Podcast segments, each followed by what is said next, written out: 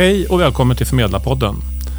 Det är Länsförsäkringars podd som riktar sig till Sveriges försäkringsförmedlare. Jag heter Mats Wester och är ansvarig för den förmedlade livaffären i Länsförsäkringar. Och idag ska jag prata med Gustav Rensog som är VD för Söderberg Partners om den framtida förmedlarrollen. Och fokus kommer att ligga på liv eftersom det är det enda jag kan så mycket om. Välkommen Gustav. Ja, tackar, tackar. Eh, nya regelverk, tuffare kundkrav, digitalisering. Några faktorer som säkert kommer att påverka hur framtidens förmedlare kommer att arbeta och hur rollen kommer att se ut. Men innan vi börjar titta framåt skulle jag vilja titta lite bakåt. De första försäkringsförmedlarna startade någon gång i början av 90-talet eller runt 1990. Och du var med och startade Söderberg Partner 2004. Vad är det viktigaste som har hänt de här senaste 10-15 åren? Hur har rollen förändrats, förmedlarrollen?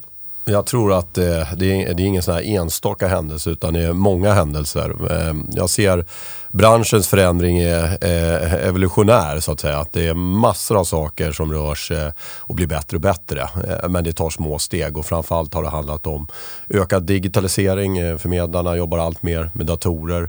Men också enormt mycket regulatoriska krav som har påverkat branschen och utvecklat den. Så att det har blivit mer komplext att vara förmedlare kan man säga och det är mer komplext komplex miljö. Och men den har också gjort stora framsteg i kvalitet. Mm. Men du säger att det, de här regelverken som har kommit har utvecklat branschen. Alla kanske inte riktigt håller med dig, men hur tänker du? Ja, jag, det, jag tror att utveckling kan ju både vara positiv och negativ beroende på hur man ser utveckling. Mm. Men den har förändrat branschen eh, och eh, jag tror att en del saker har gjort den bättre. Eh, och sen finns det en hel del som har kanske förskjutit fokus från kunden och kundnytta till ren regeluppfyllnad utan att addera kundvärde som det kanske är tänkt. Det är lätt hänt så när man detaljreglerar mm. saker. Mm. Men allt, jag tror mycket kan ha också varit till det bättre. Ja. Men om man går tillbaks, från början var ju förmedlaren i stor utsträckning en distributör fast man hade, en, man hade fler bolag i portföljen så att säga. Man hade fler alternativ. Idag har ju förmedlarna, åtminstone förmedlarkedjorna, tagit sig andra roller kan man ju säga. Man, man gör upphandlingar som är ett slags sätt att göra produkter och sådär. Eh, hur, hur, tror du att det kommer att utvecklas framåt? Har vi liksom nått vägs ände där? Eller vad, vad, gör, vad, vad tar ni nästa steg? Vart, vad hamnar ni då? Jag tror faktiskt att eh, det som har hänt är att man har upphandlat och försökt strömlinjeforma administrativa processer och i viss mån kanske påverka produkternas innehåll också, som du är inne på. Men, men det har ju byggt på att hela tiden försöka snarare eh, packa upp eh, produkter så att du kan upphandla och göra dem mer flexibla och förenkla för kunden och skapa mer mångfald. Där har ju branschen gått ganska långt som du beskriver eh, med premiecentraler och allt annat som behövs för att uppnå det. Så jag tror inte att det finns ett stort nästa steg. Utan jag tror återigen att det är en evolutionär sak. Att det, det kommer att bli ännu effektivare. Alltså administrationen är fortfarande ganska dyr i förmedlarbranschen. Tittar jag hos oss, tittar jag hos andra. Så det är mycket manuella, manuella moment. Och där tror jag den stora förändringen kommer att vara snarare än att själva produktutformningen kommer att ändras radikalt. Men, men vi är ju en bransch som åtminstone på livförsäkringssidan är väldigt eh, konservativ. Vi har fortfarande väldigt mycket pappersprocesser ja. som du är inne på. Tror du att det där kommer att liksom bara explodera eller blir det en evolution som du pratar jag om? Jag tror ju på evolution. Eh, jag har aldrig, jag har varit i den här branschen så länge och eh, man hör ju så mycket buzzwords nu för tiden. Eh, men jag tror ju att evolution är receptet. Att det kommer ske gradvis hela tiden, att vi når längre och längre. Vilket jag tycker vi gör. Mm. Men, men det är ingen silverbullet att helt plötsligt revolutioneras hela branschen och bli helt annorlunda. Mm. Utan det är en gradvis förflyttning. Men där tror jag att den gradvisa förflyttningen, lite som i catch-upen det är ganska många initiativ som har löpt ett tag just vad gäller effektivisering.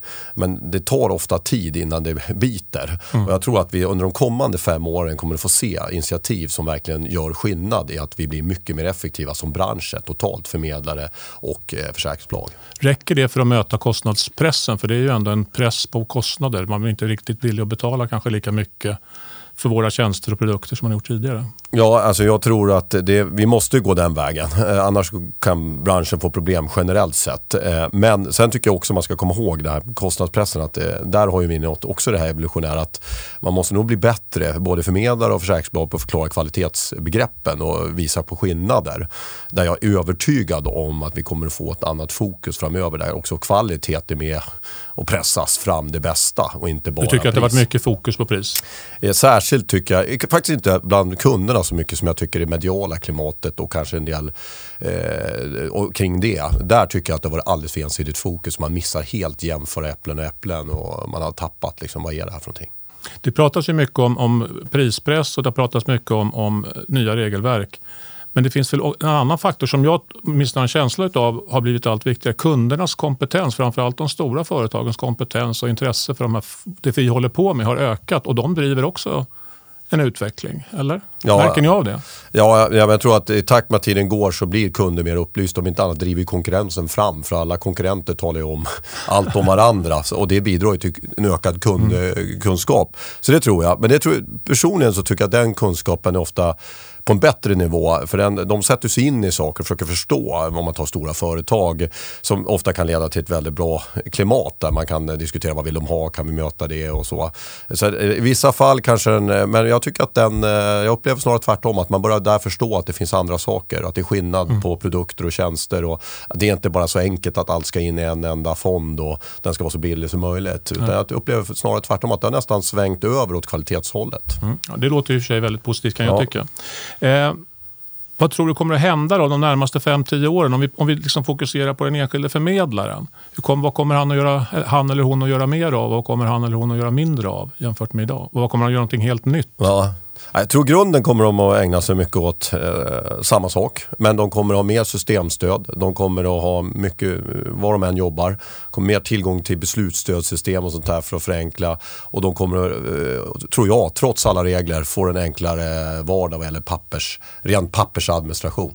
Men de gör mer, men de kommer de att träffa kunder på lika i lika stor utsträckning? Jag tror de kommer träffa kunder mer. För de kommer ha mer tid till kundmöten. Både kanske per telefon, eh, via att använda teknik och varva teknik med fysiska möten och sånt. Om det beror på var du är, hur, hur förmögen eller hur mycket premier kunden har så kan det variera. Men det, jag tror att ökad kundinteraktion, för det är det kunden vill ha när vi mäter det. Mm. Kunden gillar kontakten och, och gillar eh, att få den dialogen. Men det måste vara rimlig kostnad för att leverera och då handlar det om att minska administrationen.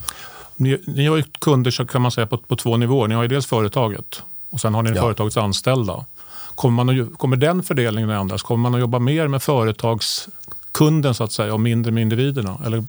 Eh, jag tror att företagskunden har alltid jobbat med och kommer alltid fortsätta jobba för det är en väldigt viktig tjänst. Eh, och sen så individen, där är ju mer en fråga då, vad, vad vill kundföretag? Min uppfattning är att jag tror att det kommer öka vad man gör för eh, de anställda och i synnerhet den delen idag som är under served eller den har inte den här typen av tjänster, alltså de i kryssvalsmarknaden. Där tror jag att det kommer att bli olika genombrott vad gäller att arbetsgivarna börjar betala för den här typen av tjänster. Vi ser, ser det redan. Ser det? Mm. Ja, vi ser det men det är fortfarande från små nivåer. Men vi har allt fler av våra lite större kunder som börjar faktiskt betala för att ge råd. Och, och där ska man veta att även i synnerhet de 10-taggarna bland den populationen eh, där man betalar stora pensionspremier har ingen rådgivning har visat en tendens till att man är intresserad av att göra något. Och då kan även de här som går, ligger i ITP1 kan också få Absolut. rådgivning tack på det sättet. Exakt. Mm. Eh, och, och, och, då kommer den betalströmmen att gå så att säga, rätt väg. Det blir företaget som betalar till den som ger rådet. Ja, att de köper in informationstjänster och digitala ja. tjänster mm. för att eh, ge mer till den gruppen. Mm. Tidigare, man kan säga så här, det har varit en väldigt eh, hantverksmässigt förhållningssätt. Förmedlarna har haft sina, sina kunder, det har varit en väldigt stark personlig relation. Eh, och det har varit väldigt mycket humankapital kan man säga, värdet i en stor förmedlare, eller förmedlarorganisation. Är det så att vi går ifrån mycket inslag av det, du pratar mycket systemstöd och så vidare, till ett mer strukturkapital, det vill säga att det är liksom individerna blir inte fullt lika centrala för att vara framgångsrik som förmedlare. Förstår du vad jag menar? Ja, ja absolut. Ah, jag tror att eh, man kan dela in, det kommer aldrig finnas ett svar på den här frågan. Utan jag tror att är man riktigt kompetent och riktigt duktig så kommer det slå eh, det mesta och, och finnas en enorm betalningsvilja för det. För människor som är oerhört kunniga och erfarna i de här ganska komplexa systemen.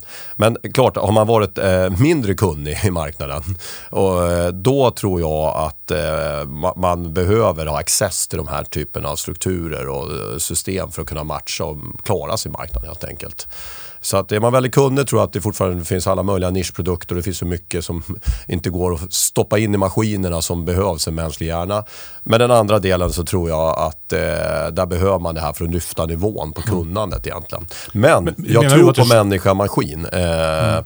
Eh, det, är en eh, fullkomlig övertygelse jag har, som jag alltid haft. Eh, det är att det här typen av tjänster är så komplexa och de är så svåra att digitalisera och få folk att förstå. Och vilja göra och, och kanske. vilja göra, ska man lägga till, för det är ganska tråkiga produkter och tjänster. Och det, då behövs det ofta en människa för att inspirera, utbilda, förklara för att få effekt. Det finns en begränsad sektor som tycker om sånt här och göra det själv. Mm, mm. Men den är fortfarande väldigt liten och det tror jag inom överskådlig tid i alla fall. Fram till den tidpunkten att vi kan digitalisera fysikerns upplevelsen om fysiker går inte att skilja från maskinen. Då kommer jag ändra mig. Men det kanske Men, ändå dröjer några år. Ja, och då vet det tusan, då behövs väl ingen av oss. så att, eh, då kan vi ersätta alla jobb. Ja. Det kom en lagrådsremiss avseende IDD i Sverige. Påverkar det förmedlarnas möjlighet att verka på något sätt som du ser idag? Ja, det är ju en väldigt bra fråga och jag skulle säga så här att eh, jag tror att den kan göra det men det går inte riktigt att säga dag ett att det är så. Eh, problematiken med den är ju att det blir så olika spelförutsättningar för producent och förmedlare. För att mycket av regelverket hänvisas eh, till Finansinspektionen, vill säga vad du som försäkringsbolag betalar din outsourcingpartner för distribution och rådgivning, det vill säga förmedlaren. Har FI då ett mandat att avgöra om det är rimligt, kan mm. man uttrycka det. Eh, nu har FE än så länge inte sagt så mycket om det och det de har sagt har väl inte låtit eh, så att de kommer förändra hela marknaden. Men det kan de ju göra. Så att det blir väldigt rättsosäkert där det kan bli två olika spelregler i marknaden och det tycker jag är högst oönskat. Eh, man måste Hur, ha samma spelregler. Ja, att producenten kommer inte omfattas av prisregleringen vad gäller. Alltså om du producerar allt själv, då har du ingen sån reglering. Men om de skulle kicka in den regleringen använda sig av den möjligheten. Mm, okay, då, då, kan du säga att ja, men förmedlartjänster får max kosta X. Mm. Men om du producerar det själv så kan du kosta Y. Och då har du skapat två spelförutsättningar. Och det tror jag aldrig är bra för någon marknad whatsoever. Nej, nej. Eh, intressekonflikter och konsumentskydd är en, en bärande tema i den här nya lagstiftningen. Eh, vilka intressekonflikter kommer man åt och finns det några intressekonflikter ja. att komma åt? Ja. Nej, jag tror, det, jag tror så här, det finns alltid intressekonflikter allt vad man än gör och hur man än gör det. Det ska man komma ihåg. Att det, det, det är alltid en intressekonflikt brukar jag säga. Någonstans så har du alltid något före allt annat och hur du än tar betalt så uppstår alltid en intressekonflikt på något sätt. Det är det ena. Men det man försöker komma åt som jag tror i grunden är positivt det är ju att det finns en intressekonflikt som kunden inte är medveten om. Eh, det vill säga att du får mer betalt om du ger ett råd framför ett annat och det är oklart för kunden. Eh, en sån intressekonflikt vill man komma åt och det, det, tror jag att man också har tagit fram bra verktyg för och det tror jag är positivt. För då har ju kunden en möjlighet att säga, men eh, vad är det här nu då? Du får mer betalt, varför ska jag mm. gå på den här vägen? Det tycker jag är väldigt bra att man försöker skruva fram i det här. Och det kommer man åt, tror du? som alltid med alla regler är det väldigt svårt att lyckas till 100% men jag tror mm. man kommer komma en bit i alla fall. Mm. De här, det som vi kallar för distributörsfonder eller fonder som ägs eller har kopplingar till förmedlarbolag, kommer det att överleva? Eh, ja, det i viss mån. Jag tror att en del av det där kan få problem om du har byggt just på det här jag beskrev. Att eh, det har varit ett eh, dolt incitament och oförklarat för kunden. Då tror jag att det kommer att försvinna eller få allvarliga problem. Däremot om det är det är linje med vad vi ser det som att det är en tjänst där du får fondråd och sen får du hjälp att växla fondråden fast det är paketerat i fondform för det enda sättet att bedriva den typen av tjänst. Väldigt vanligt inom wealth management där man gör det diskursionärt men det går inte att göra i försäkring. Och är du då väldigt tydlig med att det här är vad det är, eh, då tror jag det finns kvar. Men däremot det här att det väljer tre fonder och får betalt av den ena och inte den andra och du säger ingenting till kunden eller väldigt otydligt. Kickbacken, det tror jag kommer försvinna. från ett fondbolag till en enskild ja, förmedlare. Ja, att det är beroende på vilket råd i mm. varje enskild eh, situation. Det tror jag man kan eh, räkna med att det försvinner. Mm. 10-taggarmarknaden har ju varit nästan grunden för förmedlarmarknaden kan man ju säga. Eh, och den är ju ändå på väg, även om det fortfarande är stora premieflöden varje år, så är riktningen är ju inte uppåt utan den är på något vis ner därför att företagen tillåter inte i samma utsträckning att man gör nya 10-taggare. Mm. Hur kommer det här att påverka er och oss? Ja, alltså den kollektivavtalade delen av marknaden som är betydande, ungefär kanske hälften av vår marknad. Men sen innehåller den ju andra inslag, chefspensioner och allt möjligt. Men, just den där delen minskar ju eftersom den är reglerad och det är ett monopol som kickar in. Eh, så länge Svenskt Näringsliv och parterna håller fast vid att det ska vara ett monopol. Mm. Eh, jag tror att eh, det är såklart att den delen minskar ju. Det är oundvikligen så. Men jag tror att den, som jag sa, kommer att ersättas mer av att det ändå finns en betalningsvilja. För att det här är ett problem att folk inte förstår förstår att det sätts av pengar. De förstår inte och de drar inte nytta av de valen de kan göra. De väljer inte efterlevande pensioner de ska göra eller de väljer inte den risknivå de ska göra. Så de berövas ju en möjlighet. Och de förstår inte att det sätts av massa pensionspengar vilket gör att konkur eh, i konkurrensen, en privat näringsliv utanför kollektivavtal kan ju då sänka pensionen och höja lönen framstår som mer attraktiv. Mm. Gör att jag är övertygad om att det kommer öka betalningsviljan för de här tjänsterna. Däremot så vore det ju föredömligt om individen som vill ha det kunde köpa det själv då mm. Med, med ett bruttokapital. Att man skapar förutsättningar för det och det är ju tyvärr, ser inte ut så än så länge i alla fall. Men tror du att det kommer att bli så någon gång? Att det parterna släpper in rådgivning i ITB Ja, jag tror det av det enkla skälet att kunderna vill ju ha det. Mm. Och man brukar inte, om man går emot sina medlemmar, både eh, om arbetsgivarna vill det och de anställda faktiskt vill det. De är ändå där för deras skull och jag vågar säga att jag vet att om man gjorde det ordentlig opinionsundersökning och ställde frågan till de här människorna på adekvat sätt så kommer de få svaret, jag inför det här. Det betyder mm. inte att alla vill köpa det, Nej. men de som vill Möjligt. köpa det kommer ju säga det och det är ganska många. Hur lång tid tar det, tror du? Eh, ja du, om jag visste. Eh, jag hoppas ju att eh, alla organisationer som är medlemsorganisationer lyssnar på sina medlemmar och i takt med att tiden går så måste man nog göra det. För att ska man försvara ett monopol måste man ju verkligen visa att det är bättre än alternativen. Mm. Så att ett sätt att skynda på det här är väl att vi visar att vi blir bättre och bättre. Så, så, att till slut så framstår monopolet som väldigt oattraktivt. Det är väl så vi jobbar för att mm. hantera frågan. Mm. Mm. Man kan ju säga att andelen ny marknad när det gäller pension den är inte så stor. Utan det är mycket att vi byter kunder med varandra, både bolag och förmedlare. Eh, hur är det att verka på en marknad som egentligen inte finns? Det finns ju inte en genuin stor tillväxt i grunden. Nej. Nej, det skapar ju, på ett sätt så tror jag att det är bra för kunden eh, många gånger för det skapar ett hårdare tryck på att utveckla tjänsterna eh, mm. för att vara attraktiv. Det är det positiva. Det negativa kan ju vara att, att eh, det är tuffare. Alltså det blir tuffare helt enkelt mm. för alla mm. i en sån bransch. Sen tycker jag att jag har sett tendenser som är lite trista. Att en del i någon form av ren desperation börjar ägna sig mer åt att prata illa om varandra istället för att säga vad man är bra på. Och det tror jag bidrar till att branschen generellt sett får ett sämre rykte än vad vi tjänar. Det är en sorts eh, sätt att försöka konkurrera som kanske inte hade uppstått om marknaden var mer lukrativ för alla. Vad tror du om flyttaktiviteten då? För den har ju ökat kraftigt kan man ju säga. Samtidigt finns det inte, flytträtten har funnits eh, bara sedan 2007 va, som, lagstiftning, som lagstiftad. Mm. Eh, kommer flyttarna att bli en allt viktigare del av er aktivitet? Kommer ni att liksom ja. initiera flyttar i större utsträckning än ni gjort hittills? Ja, vi har ju valt en liten annan linje där. Vi har sagt att det är ju inte jättevärdeskapande att hålla på att flytta kapital och dra på eh, administrativa kostnader som måste bäras av någon, någonstans. Det är ju inte gratis, det kan bäras av kunden och indirekt bärs allt av kunderna. Eh, om det inte är tydlig kvalitetsskillnad eller någon tydlig fördel för kunden.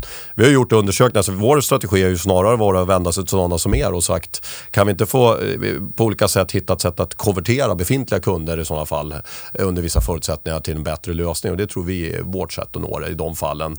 Det, det bara handlar om att förändra ett upplägg eller förändra mm. det snarare än att flytta så kan man göra om det gamla och det är vår strategi. Okay. Hur tror du att individerna kommer att få råd framåt? Då? Blir det digitalt i huvudsak eller kommer man även att få träffa någon? Ja, som jag sa, anställda? Jag, jag tror ju på ma maskin och människa ihop. Jag brukar dra ett exempel att i schack så vinner, har datorerna vunnit länge över den smartaste schackspelaren. Men man ska komma ihåg en sak, med en vanlig PC eh, och en hyggligt duktig schackspelare spöar fortfarande superdatorn. Eh, för att människan har någonting som är svårt att digitalisera. Och datorn slår inte en försäkringsförmedlare? Eh, nej, inte, inte isolerat. inte isolerat, nej. nej. Men ni har tagit fram en digital lösning som, som ni väl drift, som, tanken med den är att den ska göras tillsammans med någon som kan något så att säga, som, som har kunskapen. Absolut, för du kan komplettera det som inte går att digitalisera. Det finns mycket saker som inte är helt möjligt att digitalisera. Nej. Och framförallt kan den också förklara saker och välja var ska man gå i systemet. Vad är relevant nu? Men systemen bidrar ju till att man kan ha beräkningar som är komplexa, man kan förenkla, man kan underlätta dokumentation, man kan teckna digitalt etc. Så att det, mm. det är ju ett sätt att göra råden lättare att skapa stora värden i på ett enklare sätt för förmedlaren. Mm. Men det är ändå förmedlaren som är piloten. Försäkringsförmedlarmarknaden har ju kännetecknats av att det har varit möjligt, om man är framgångsrik har man kunnat tjäna ganska bra med pengar. Kommer det att bli svårare för individen, även om man är duktig, att tjäna lika mycket pengar som man kanske har kunnat göra historiskt? Jag tror att eh, är man riktigt vass så kommer man alltid tjäna pengar i alla branscher där man är mm. riktigt vass. Det ska man komma ihåg. Sen tror jag att det är klart att det har funnits inslag av att det har varit ganska enkelt att tjäna pengar utan att vara så vass. Där kan det bli tuffare på sikt, det tror jag mm. absolut. För och det är att marknaden blir tuffare så blir det tuffare. Mm. Eh, och det tror jag är, behöver inte alls vara en nackdel. En omogen bransch är alltid lättare att tjäna pengar i för alla. Mm. Det var det du var inne på. Ju takt med att det mognar och konkurrensen tuffare blir det tuffare. Men och förmedlarmarknaden är på väg att, att mogna? Det är det den, den eh, har hållit på att mogna ett bra tag mm. och den fortsätter hålla på så. Var, var är Söderberg Partners om fem år? Men vi tror på det här eh, evolutionära, att fortsätta utveckla. Det vi tittar på mycket nu inom passion är ju att försöka bli bättre på saker som eh, berör passionen men som inte är direkt relaterat till det. Att performance management, hur ska du sätta lön kontra passion, förmånshantering och digitalisera hela det där. Att vi försöker baka ihop det till en helhet där passionen är en mycket viktig länk men inte allt. Och det, det är en förändring, en förflyttning av hur vi har jobbat historiskt där med passionen var isolerad, de andra frågorna.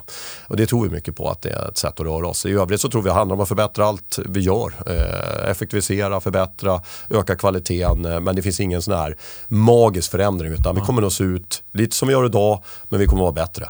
Men jag tänker på några av era konkurrenter och även ni har väl närmat er lite HR-perspektiv? Ni har något utbildningsföretag ni köpte eller? Var det inte så? Ja, det var det här performance management. Ah, okay, ja. ja. det var det jag var inne på. Att, eh, det blir vi, breddning vi, vi tror att kundens behov är inte bara passion. Nej. Utan när de pratar passion så pratar man ofta hur ska jag utveckla personalen, hur ska jag följa upp den, hur ska jag lönesätta? Och då kommer pensionskostnaden med som en väldigt viktig ingrediens. Hur ska ja. jag få effekt och vilka förmåner ska jag tillämpa? Och sist men inte minst, och det är där vi kanske skiljer skiljer oss från alla andra som kan hantera det här också. Hur ska jag nu få implementering gjord? Och då handlar det om att jobba mycket med digitala verktyg där mm. vi då har det inom alla de här områdena. Allt från passion till utvecklingssamtal eh, etc. Och packa det. För då tror vi att vi får full effekt hos kundföretaget för den som vill. Ja. Eh, och det, det är väl den eh, större skillnaden tror jag i vår tjänst mot hur den har sett ut historiskt eh, som vi kommer att gå igenom de närmaste åren. Avslutningsvis, då och då sprids det rykten om att någon av de ledande förmedlarkedjorna skulle bli försäkringsbolag. Ja. När ska ni bli försäkringsbolag? Ja, jag, jag möter den ibland och jag kan säga att det kommer vi aldrig eh, bli av ett skäl. Att vi tror att ett försäkringsbolag är en annan typ av produktion. Det är stora balansräkningar, ganska komplext, kräver otroliga mängder arbete att bedriva ett effektivt bra försäkringsbolag.